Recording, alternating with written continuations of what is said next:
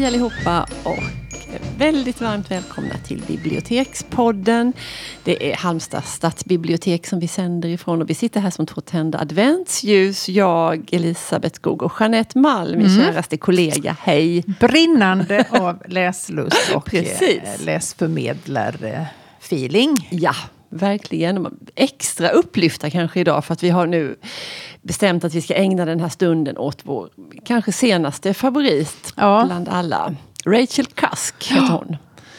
Um, ja, och vi har läst två böcker av henne och vi väntar ivrigt på den tredje. Som, det här är ju en trilogi. De här ja, den är böckerna. väl ganska snart i antågande? Mm, jag tror det. Jag tror vi ska fira jul och uh, ringa in det nya året. Och sen kan vi nog börja vänta. Mm. tror jag den kommer där i början på året. Men du Jeanette, det här med faktarutan, jag vet att det ligger dig så varmt ja, om hjärtat. Nej men alla så. kanske inte känner till henne så. Hon nej. har inte fått den där, eh, det är ju inte Elena Ferrante-hype på henne. Nej. Men eh, det kanske det blir efter vårt program, Jeanette. Kanske blir startskottet. Ja. Alla pratar om Rachel. Mm. Eh, hon är i alla fall född 1967 och då är man 51 just nu i mm. Kanada. Men hon bor eh, sedan många år tillbaka i eh, London. Mm. Och hon har ju skrivit ett gäng böcker, men de som vi, och har väl blivit ganska så uppmärksammade. Alltså hon är en väldigt litterär författare ja. eh, som är många författares favorit. Ja, tror jag. en mm. typisk författarnas författare. Mm. Och, men har nog också mm, blivit omskriven för att hon uh, skriver på ett väldigt speciellt sätt. Det ja. kommer vi in på sen. Ja. Och bara säga om hennes andra böcker är ju faktiskt inte ens översatta Nej. nu. Det är ju... Och det kan hända att det kommer. Det brukar det ju mm. göra om det funkar ja. bra. Mm. Men också att de känns i viss mån, eh, vad säger man, autofiktiva. De här mm. vi har läst. Alltså det är många ja. likheter mellan berättarjaget och eh, Rachel själv. Ja, eh, väldigt explicit. Ja. ja. Eh, men det är inte samma namn och det är inte liksom, alla detaljerna stämmer inte. Men det känns Nej. ganska så självupplevt om mm. det är mm. viktigt att känna till. Jag vet inte. Nej, jag vet inte heller. Vi kan, jag tycker man kan notera det och sen ja. så gör det ju inte så mycket med Nej, i och med att vi inte vet så mycket om det så spelar det inte någon större Nej. roll egentligen. Men vi läste ju Konturer, den första. Mm. I somras I vet somras, jag att det den var. heta, heta eh, sommar 2018. Mm. Det var så bra för att även boken utspelade sig extrem hetta i Grekland. Så man mm. kände verkligen... Eh, alltså det rimmade med ja, de yttre omständigheterna. Ja. Med stor förtjusning läste jag den. Ja. Och, ja, och jag vet att man, man ser ju på de här, vet jag att vi sa, att man ser att det här är en... För jag kände inte alls till henne. Nej. Såg jag boken och tänkte, ja, ja det där är en bra bok, tänkte jag. Eh, och tog hem den. Och det är förlaget är Bonniers, ja. Mm. Mm. men väldigt snygga och lockande. Och, och lagom format. De är ju inte mer än 200 sidor, knappt. Mm. Eh, men nu ska vi börja och prata lite om konturer då, vad den ja. handlar om. Vad handlar Precis. den om? Eh, yttre handlingen, ramberättelsen säger man väl va? Mm. Eh, är ju att den här Fej, huvudpersonen, själva eh, berättarrösten. Mm. Är, det börjar, jag tror börjar att hon sitter på ett plan. Hon är på väg till Grekland för hon ska mm. hålla en skrivarkurs. Till och med i Aten ska detta I Aten, utspela ja. sig. Mm. Och eh, redan på planet så börjar hon ju prata med sin eh, stolsgranne. Mm, som han... berättade en fantastisk historia. Mm. Om sina äktenskap. Ja. Mm. Och eh, för mig var det så att jag kom så in i, och det händer hela tiden när man läser henne tycker jag. Mm. Jag kom så in i hans berättelse så att när slutligen den var slut och det fördes tillbaka på henne så hade mm. jag, jag hade nästan glömt bort henne. För hon har ju en mm. väldigt eh, tillbakadragen roll mm. i... Eh, mm. Utan det är ju de här människorna som hon samtalar med som ja. är liksom... Och som eh, hon ofta lyssnar på. Det här med lyssnandet ja. är ju någonting som, som återkommer i, i båda de här böckerna som vi hittills har läst. Att hon, att hon ger röst åt hon, hon lyssnar, ibland så samtalar ja. hon men det är mycket så att hon lånar sina öron. Och folk har ju otroliga behov av att bli lyssnade på. Det är ju känt faktum. Och jag tycker det är så roligt med den här stolsgrannen. För han, hon träffar ju honom sen flera gånger mm. i Aten. Och han heter aldrig något annat än Stolsgrannen. Nej. Tänkte du på det? Precis. Det är jättekul. Mm. Vet du vad jag kommer att tänka på nu? Mm. Eh, jag tittade på Nobelfesten igår på mm, tv. Mm. Det är en tantvarning deluxe, ja. men det bjuder jag på. Och då eh, var det ett kort samtal som Jessica Gedin hade med Martina Abramovic. Mm, det såg jag också. Ja. Och jag tänkte, inte hon liksom konstens motsvarighet mm. till eh, Rachel Cusk jo, egentligen? Lyssna och, För hon ja. lyssnar och betraktar och säger ingenting Nej. själv. Hon är ju bara Nej. liksom någon eh, katalysator mm. för. Sant. Det är ju så hon jobbar, mm. kanske inte alla känner till, men Nej. att eh, hon har ju bland annat varit på Moderna Museet i Stockholm. Ja. Att hon, hon satt, sitter mm. och tittar på mm. människor mm. under väldigt lång tid. Mm. Och detta förlöser någonting hos dem. Alltså en del blir alltså, oerhört starka upplevelser. Ja. Ja, det var parentes. Ja, parentes men, det var ja, men en, intressant. Ehm. lite grann funkar det ju så med, med de här samtalen. att de berättar ju saker som de nästan inte visste själva Nej. om sig Nej. själva. Men tror, ja, men hon säger också något, något om det, eh, Rachel, att, att det kan också bli en, en um, för det är ju inte så att hon är kritisk, för det, och, och ofta är det män som pratar, män ja. som brer ut sig, män som pratar. Men det är inte så att hon är kritisk och tycker oj vad de håller på att bre ut sig. Och så, utan hon Nej. låter det ske. Och att hon har, det, det, det blir också en, en, liksom en maktposition det där att faktiskt vara den som iakttar och lyssnar kan ja. ge en frihet. Inte makt kanske, men frihet. Ja, um, ja men jag gillade den där. och, och att och också så så ser man ju inte sig själv så himla tydligt utan man ser ju sin omgivning och sina mm. människor man har runt omkring sig. Men, men, um... Och just det här att hon fortsätter att lyssna gör att även om de kan, det kanske börjar som en vanlig sån där mm. liksom, svada men att det, det, det borras djupare och djupare mm. så att det når ju på en nivå som inte många eh, annars gör. Nej. I Nej, sen, ett den, vanligt samtal. Nej, men precis. Och sen så i den här första boken, så, så, anledningen till att hon är där i Aten det är att hon ska hålla en kurs i novellskrivande ja. för några ja. studenter. Eh, och det tycker jag också är lite sådär meta, eh, för på det mm. viset så får man ju massa liksom, novell, om inte hela noveller, så anslag till olika mm. historier. Det är precis på det sättet som den här boken, eller mm, som precis. de här böckerna är gjorda. Precis. Så det är ett väldigt roligt grepp det där. Ja, man talar till och med om att hon har förnyat romankonsten ja. och det är inte illa. Nej. det trodde man nästan inte gick. Nej. Men det är, hon använder ju samma grepp även i den här andra boken. Att det, det är ett otal berättelser mm. med henne som liksom en sammanlänkande faktor. Och mycket också naturligtvis från hennes eget liv.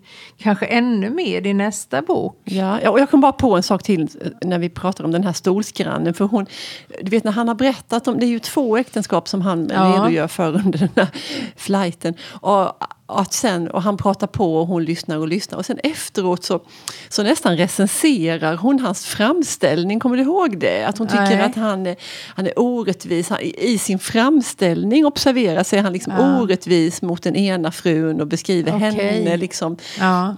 Det är som att, som att det vore litteratur ja, liksom, och inte det. livet. Och att hon tycker att han skulle ha liksom, lagt fram det på ett annat Han kunde ha beskrivit det på ett annat sätt. Det, Men det säger hon inte? Jo, det säger hon. Jo, hon blir lite arg på ja. honom där, eller hon kritiserar honom. Ja. För det blir man också lite förvånad. Eh, ofta så är hon ju bara lyssnare. Ja. Men med den kommer hon med liksom väldigt skarpa mm, analyser. Mm, mm, eh, som inte alls är bekräftande mot nej. den personen. Nej, nej, utan hon bara, nej men det här, så här är det inte. Och så lägger hon fram något ja. jättesmart eh, mot, mot eld. Ja, precis. Mm. Ja. Ja, nej, men nu kan vi hoppa till, till um, till transit då. Mm.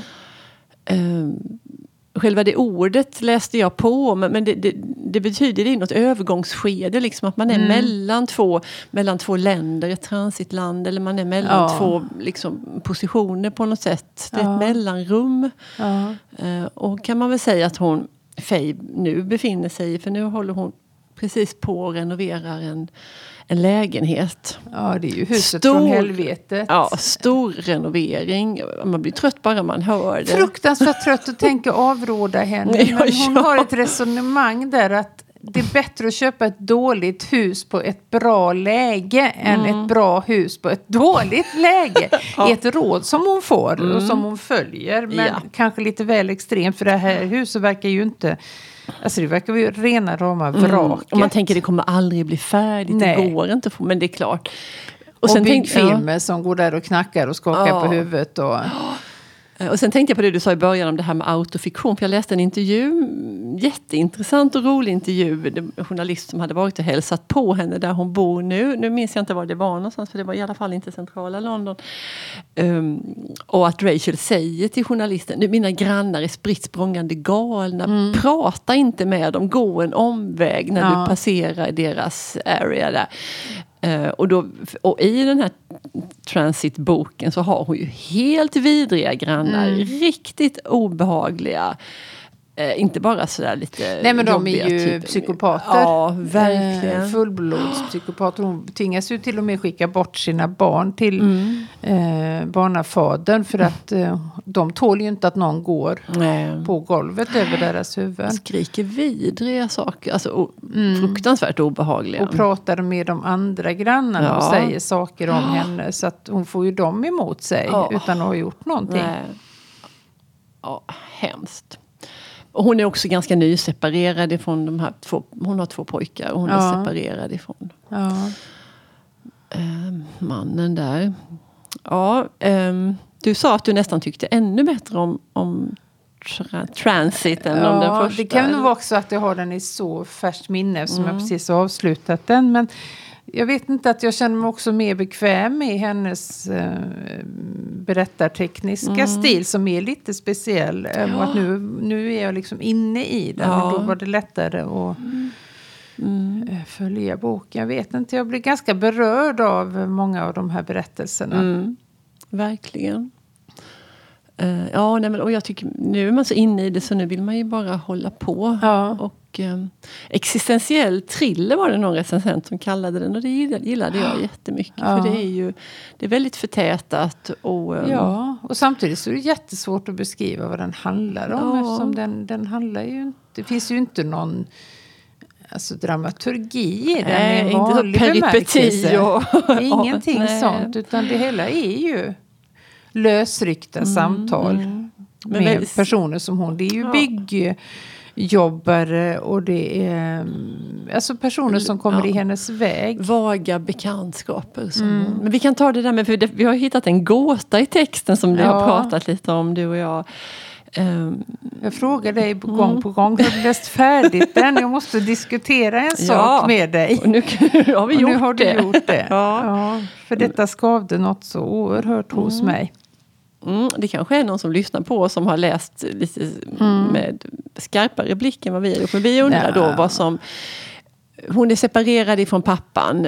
Då hon lever var för sig och de har två pojkar tillsammans. Och under denna omfattande lägenhetsrenovering så är pojkarna hela tiden hos sin pappa. Mm. Men var bor pappan är det som vi undrar då. Ja. För hon, hon får samtal ifrån sönerna. Väldigt... Ja, en gång är ena sonen utelåst. Mm. Han sitter på trappan. I hällregn och kyla. Och, och jätteledsen. Ja. Och rädd. Och han vet inte var pappa är någonstans. Nej. Eh, och andra gången, det, det hände fler gånger, mm. men andra gången så väldigt allvarligt i slutet på boken. Då så håller de på att slå ihjäl varandra. Då håller bröderna, alltså på riktigt, de har aldrig bråkat skriver hon. Nej. Men nu har de, alltså hon hör ju dunsar mm. och skrik och han är helt förtvivlad han som ringer. Att mm. de, de, och de har hållit på i flera timmar och slåss. Eh, och vet inte heller nu vad pappan är. Nej. Och de kan inte liksom bryta det här själva. Och då mm. tänker jag, varför åker hon inte dit? Nej, För hon pratar en stund och sen lägger hon på och sen mm. återgår hon till den här middagen mm. som hon är mm. på. Mm. Och även om hon inte kan åka, det kanske är för långt, vi kan ha missat. Han kanske bor i Skottland, ja. vad vet vi. Nej. Men hon borde ju ändå ringa någon annan. Eller hon borde ringa pappan, hon borde ja. styra upp det. det. det. känns så himla märkligt. För de är ju inte speciellt stora heller. Nej. Det är inte så att det är tonåringar det nej, rör sig om. Eh, och det har kanske inte spelat så stor roll om de hade Nej men de är kanske sådär 8 och 12 eller något ja, sånt där. max, max tror jag alltså. Ja. Mm. Nej. Nej, vi har inget svar på detta. Nej. Um, men du, Nej, men för hon är ju, en in, alltså hon är ingen dålig människa. Nej, som, nej absolut eh, inte. Hon är ju på allvar engagerad i sina barn Ja. och vill dem ju väl. Ja. Och alltihopa det. Så. och just därför så skaver det ännu mer. Ja. Men det är som, ibland hittar man ju sådär gåtor. Det här var typiskt en sån sak man kunde prata om i en läsecirkel. Mm, mm. Om man eh, hade haft en sån om just den här boken. Jag har trummat igenom att jag ska läsa ett stycke här som jag bara älskar. Som jag tycker är också Ja, men det, väldigt... det är också väldigt belysande för hennes eh, stil. Precis. Ja. Hon ska nu träffa sin kompis. Ofta är det män som hon lyssnar på, men nu är det Amanda, väninnan Amanda. Som, alltså hon har, det är ju inte heller någon nära vän, så det känns Nej. inte som att hon har någon riktigt... Så I alla fall så framställs Det var länge sedan de träffades. Ja. Men nu ska hon gå och fika med Amanda. Amanda hade ett ungdomligt utseende på vilket ålderns patina var fumligt anlagd. Som om hon istället för att åldras bara hade blivit lite ovarsamt hanterad. Som ett tillknycklat fotografi av ett barn. Hennes kortvuxna och fylliga gestalt verkade befinna sig i ett tillstånd av konstant livlighet. Men genom det kunde emellanåt en oändlig trötthet skymta fram. Idag låg den grå skuggan av utmattning strax under hennes sminkade hy. Hon kastade ofta blickar på mig, kisade mot solen som om hon sökte efter sin egen spegelbild. Jag vet att jag ser hemsk ut, sa hon och sänkte huvudet. Hon tog upp menyn och ögnade snabbt igenom den. Jag var vaken nästan hela natten. Och jag kan inte ens skylla på barnen, sa hon, eftersom jag inte har några. Svårt. ja. Eh, hon hade varit uppe till tre, fortsatte hon och bråkat med Gavin. För ett tag sedan hade hon börjat med yoga för att råda bot på sin sömnlöshet. Men det skulle behövts mer än en solhälsning för att få henne att somna efter det där uppträdet. Gavin var Amandas pojkvän, en kraftigt byggd typ med mörk uppsyn som jag hade träffat en gång. Det var hans byggfirma som Amanda anlitat till renoveringen av sitt hus. Amanda håller också på att renovera. Mm. Hon har fått en vattenläcka där. Det var därför hon var sen till Precis, deras... en eh, fruktansvärd läcka Ja. som hon precis har Vi beskrivit hade innan. badat i hela rummet, allting. Det är så pinsamt, sa hon. I min ålder borde man ägna sig åt något nyttigare. Alla jag känner verkar hålla på att springa maraton för behjärtansvärda ändamål. De lägger all sin tid på att träna och tillreda specialkost medan jag äter takeaway och går igenom samma kriser som en tonåring. Mm. Inte för att jag skulle kunna springa, sa hon, ens som jag ville. Jag kan knappt ta mig upp för trappan. Hon hade varit hos doktorn och fått veta att hon hade utvecklat astma av att andas in damm. Så går det när man har levt på en byggarbetsplats i två år, sa hon. Han hade gett henne en inhalator men hon hade tappat bort skyddet för munstycket. Så nu var inhalatorn igensatt av damm den också. Kyparen kom för att ta vår beställning och Amanda ville ha örtte. Nej förresten, sa hon när han var på väg att gå. Ta en varm choklad istället. Mm. Jag tycker så mycket om det här. Jag tycker det är så Ja. liksom, träffsäkert. Ja. Och, eh, och, jag tycker, och den här början, den här beskrivningen av hur hon ser ut. Liksom, Precis. Ja, men det är fantastiskt. Ja, jätte- Tillknycklat paket eller fotografi av ja, ett barn. precis. Ovarsamt hanterad. Och Mm. Under det här sminket och så anar man en oändlig trötthet. Mm. Skuggan av utmattning låg strax under hennes sminkade hy. Mm.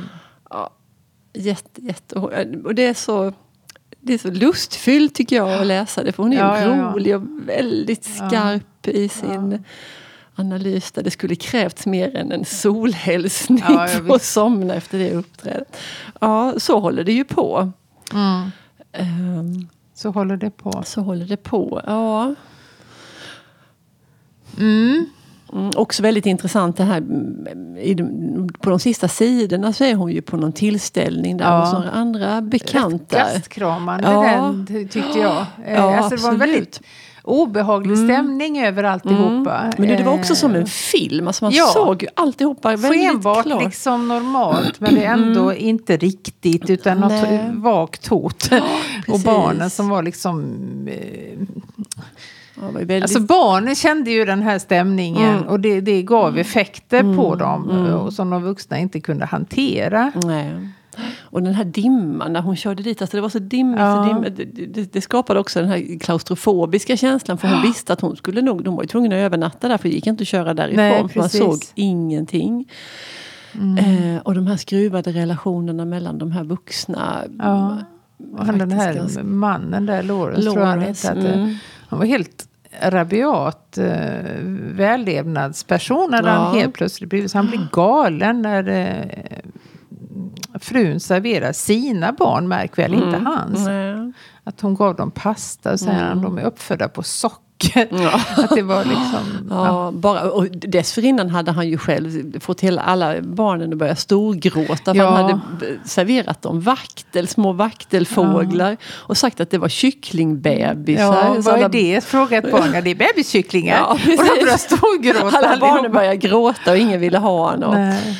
Nej, mm. väldigt. Och, och där visar sig ju att det är en flicka som aldrig har träffat sin biologiska pappa mm. fast han bor typ i samma stad. Och mm. Det vevas upp sådana fruktansvärda... Och mamman hävdar att styvpappan, jo men han är din pappa. Mm. Nej det är han inte. Nej men det är han inte. Han vet jo det är han, för han har känt det hela livet. Jo men han är ju inte min pappa, jo det är han. Ja, det var, ja, riktigt hemskt. Och den äldsta och flickan där är ju satt att hålla reda på de yngre barnen. Mm. Och hon är ju utspökad i någon sån liten miniklänning och ett par högklackade skor. Den, hon skriver väldigt fint om henne, hur hon ja. verkar så um, Fast hon har så lite på att hon verkar liksom fången i sin, i sin utstyrsel på något sätt. Hon mm. kan inte gå i högklackade Nej. skor. Hon kanske bara är knappt 12 eller någonting. Eh, och en sån pytteliten damig klänning. Hon är så obekväm och helt mm. oförmögen såklart. Och hålla reda på alla de här uppdämda känslorna som, mm. som briserar hos, hos mm. de här mm. barnen. Nej men det är oerhört skickligt gjort. Eh, mm. Ja, vi ser fram emot den nästa. Kudos tror jag den heter. Ja, just det. Mm. Så om översättaren lyssnar på detta så skynda på, skynda på. Ja. Vi längtar efter kudos. Ja, men du, och sen så skulle vi, vi hade ju förr i tiden hade vi ju en tradition att vi eh, pratade om. Vi slutade med varsitt boktips. Ja.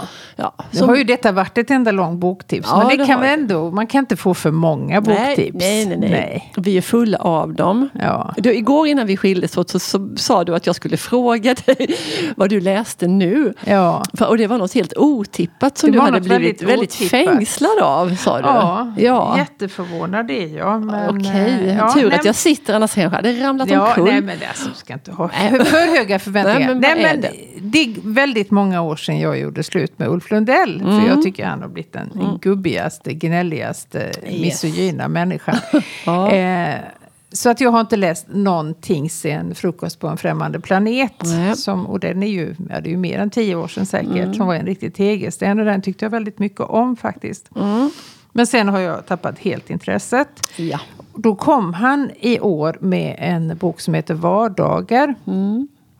Och jag tänkte att ja, det blir inte jag med om. Men så fick den så väldigt fina recensioner. Ja. Över, alltså överallt mm. pratade folk om den här boken. Ja. Eh, och så följde det sig så att jag inte hade eh, någonting att lyssna på. Jag har ett abonnemang. Eh, och så, mm. tänkte jag, så såg jag att han själv läste in den. Okay. Tänkte jag ge den en chans. Ja. Och blev faktiskt omedelbart fängslad What? av den här. Ja. Den är riktigt, riktigt bra. Mm. Och det händer egentligen inte ett skit. Nej. Men jag gillar det. Jag mm. gillar det vardagliga. Mm. Eh, och den mm. lever verkligen upp till sin titel. Mm. Han, eh, det är som en... Är det som dagbok? Det är dagbok. Mm. Så att det är varje kapitel, eller vad det nu är, börjar med dagens datum. Mm. Och det är väldigt mycket naturobservation. Han är ju en stor natur mm. och är väldigt kunnig. Så det är mm. mycket om hägen och mm. Gärdsmygen. Ja, och, ja. Och detta är allt ute i Österlen? Ja, och det är också bidragande. Mm. Så han bor ju i, alldeles nedanför Stenshuvud och ja. det är ju en av mina favoritplatser på jorden. Längtar alltid dit. Mm. Eh, och där har han sin gård. Mm. Så han reflekterar mycket om också om sitt eget åldrande. Han är väldigt nedtonad, han är lite melankolisk, han har haft en mm. depression. Mm. Han säger något jättefint om det tillståndet som han befinner sig i just nu, eller den åldern. Att inte längre, men inte än. Mm. Förstår du? Mm, det är så mycket han inte längre nej. kan. Mm. Men han är ännu inte död. Nej, nej, ja. Han är 69 år. Ja fyller 70 nästa år. Mm. Jag trodde han var lite äldre faktiskt. Ja, nej, han är född 49. Ja. Eh, och sen däremellan då de här vardagliga betraktelserna. Mm. Och han är ute och kör bil och han möter Claes Östergren mm. på vägen. Och de vevar ner rutorna och pratar en stund. eh, oh, det kan man se också. Ja. ja, det kan man se. Ja. Eh, så är det ju också ut om sakernas tillstånd i världen. Mm, Han har ju mm. ett jätte samhällsengagemang. Han är ju rasande över mm. nyliberalismen ja, och ja. Eh, alltså konsumismen mm. och allting. Och Trump mm. ska vi ju bara inte prata om. Men det är liksom inte det här, han osar inte bara på utan det är en ganska genom nedtonad vrede skulle jag vilja mm. säga som är mm. intressant. Och det kommer mitt i reflektionerna han hoppar liksom från rapsfälten till mm. toppmötet mellan eh, Nordkoreas, eh, ja du mm. vet, och Trump. Ja. Ja. Och däremellan kan han få in kommunfullmäktige i Simrishamn. Och han pratar om Camilla Läckberg, världens tröttsammaste människa, kallar han henne. Och han inflikar löpsedlar som man ser i, på ICA i Simrishamn, att Lill-Babs har haft inbrott. eh, ja, men den här fördumningen är han ju också väldigt förbannad över. Ja. Och han, eh, vad skulle jag säga nu, det var något annat jag tänkte på också. Jo, han läser en bok genomgående. Jag har inte lyssnat färdigt för Nej. den är 12 timmar. Jag har mm. kanske hört tre hittills. Mm. Eh, det löper som en röd tråd att han läser eh, Sarah Bakewell, Existentialisterna. Mm. Och mhm. kommer du ihåg att jag presenterade den på en sån här säsongens böcker? Ja, för, kanske, ja. Om det var i våras eller förra ja. året. Så den här är skriven 2017 och nu mm. är han framme vid terrorattentaten mm. också på Drottninggatan. Mm. Så att det är ett missmarsch av det allra mest vardagliga mm. till, han zoomar in och han zoomar ut ja. hela tiden. På ett, mm. Och han läser väldigt, väldigt bra. Vad schysst. och du, han ja. tittade även tillbaka på sin ungdom när han skrev Jack, när han mm. spelade in Vargmånen, när han mm. gifte sig, flyttade till Åre.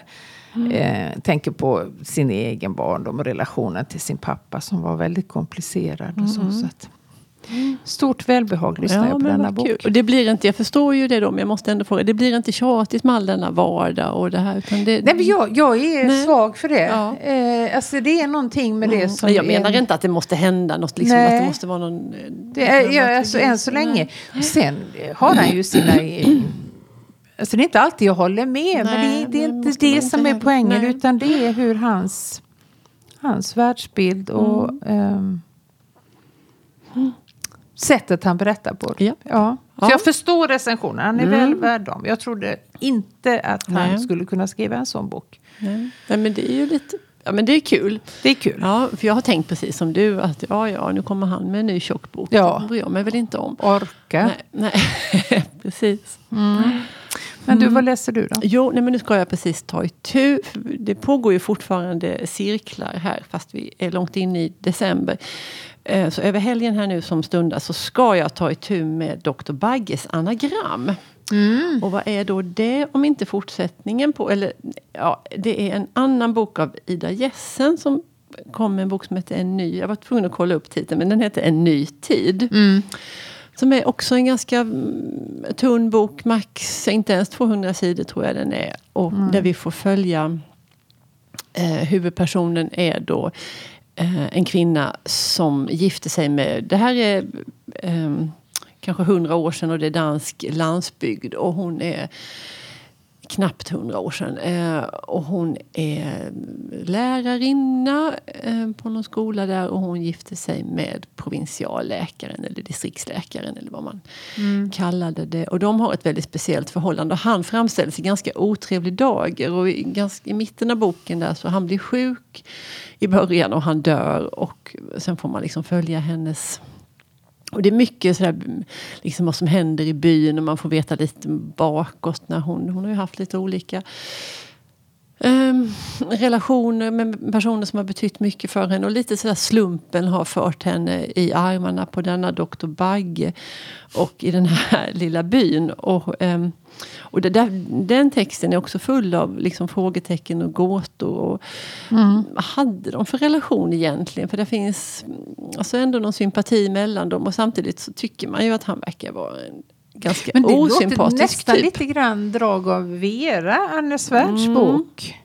Ja, Det var ju ja, också men, ett äktenskap som man undrade över. var väldigt märkligt. ja, precis. Jo, det är sant. Um, men hon skriver väldigt uh, men det är lågmält och det är också så man kan se alltihopa framför sig. Den här lilla byn och de här lite udda personerna som hon... Åh, där en, kan bara vara liksom en halv sida om en, en sömmerska som alltid sticker sina kunder med nålar när hon provar. Och hon har puckelrygg och är lite förbittrad. Men hon plötsligt ja. blir bortgift eller gifter sig med någon annan ensling där i byn. Och sådär. Men eh, mycket behag i denna läsning. Och nu ska jag då ta itu med, med den här Dr. Bagges anagram. Och då är det hans version av mm. alltihopa.